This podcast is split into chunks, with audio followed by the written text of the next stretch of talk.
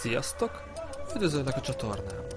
Most egy újabb bicajos fog következni, csak ő fekve nyomta, végig Kőrösi Csoma Sándor útján. De a részletekről meséljen ő maga, Zihó Viktor következik. Szevasz Viktor! Egy újabb komárom itt a műsorba, pontosan egy újabb komárom itt bicajos itt a műsorba. Légy üdvözölve! Szia Attila, köszönöm szépen a meghívást a műsorba. Üdvözöllek itthon is, te nem olyan rég tértél haza, aki nem tudna a sztoridat így röviden, tömören összefoglalnád, hogy mi is volt ez az egész hazajutási mizéria? Röviden tömören, kicsit nehéz összefoglalni. Én kerékpárral mentem Körös Csomos Sándor útvonalán, egészen a szülőházától a sírjáig, és hát az utolsó hat napot nem tudtam nagyon sokáig befejezni, mert eh, engem bent tartottak egy kórházba, és aztán utána valami 9 hétig ben voltam, és akkor utána tudtam befejezni ezt, a, ezt az hat, mindössze hat napot tényleg Darjeelingig, és akkor utána tudtam hazajönni repatriációs járattal. És pontosan miért tartottak bent téged kórházban?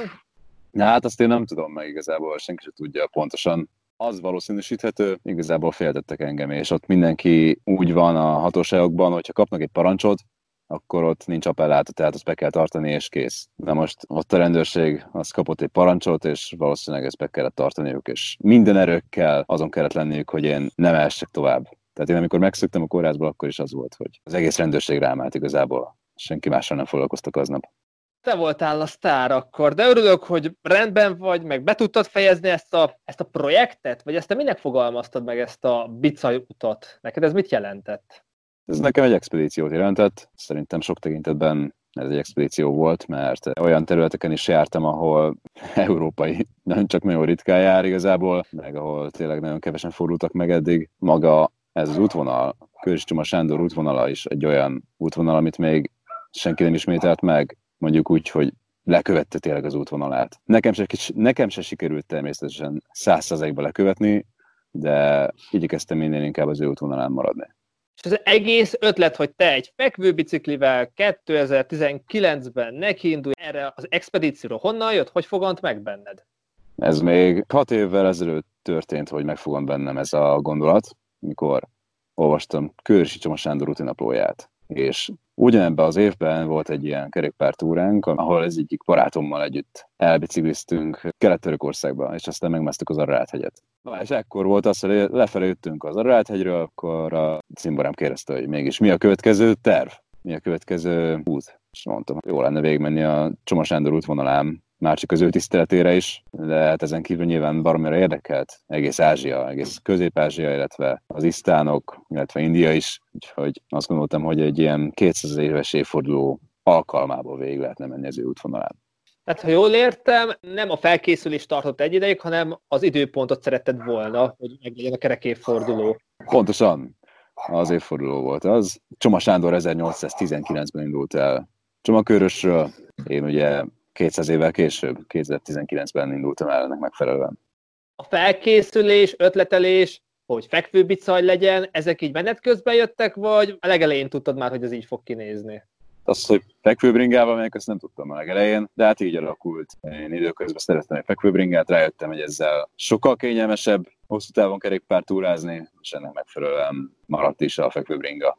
Én már nyomtam egy hosszabb túrát ezzel a fekvőbringával, egyszer átkeltem vele az Alpokon, és aztán rájöttem, hogy igazából halassabb is, de ez igazából a legtöbb terepen működőképes dolog, ez a fekvőkerékpár. És ha ma a Bicajról beszélünk, nem olyan rég hazatért a drága. Már sok kalandban együtt voltatok, van már tervben valami, így a jövőre való tekintettel a Bicajoddal? Van terv, vagy hát igazából ilyen ötletszerű dolog van. Jó lenne mondjuk elbringázni a Nordkapig. Kifejezetten szeretnék télen bringázni a sarkkör környékén. Már nagyon-nagyon régóta szeretném megnézni a sarki fényt, illetve abszolút vonzanak a skandináv országok. Ez nagyon jól hangzik. Szerintem, ha már Körösi Csoma Sándor útját megcsináltad, az is biztos meg lesz. De te nem csak bicajos vagy, meg nem is akarlak így bekategorizálni, hanem hegymászás szerelmese is vagy. Van még valami, amit űzöl, vagy szeretnél űzni, vagy ez a kettő dolog, ami, ami fix és biztos és imádnivaló az életedben? Ez a kettő, ez, ez fix és biztos, jó lenne emellett még egy kicsit ernyőzni is, mondjuk. Jelen pillanatban fejlesztem magam egy kerékpározásban, illetve kicsit elkezdtem ilyen triálos mozdulatokat tanulni, hogy ügyesebb legyek technikás ösvényeken, tudjak kövesebb ösvényeken is fölfele menni, vagy éppen lefele. Tehát azért trükköket is most gyakorlok hegyi kerékpározásban.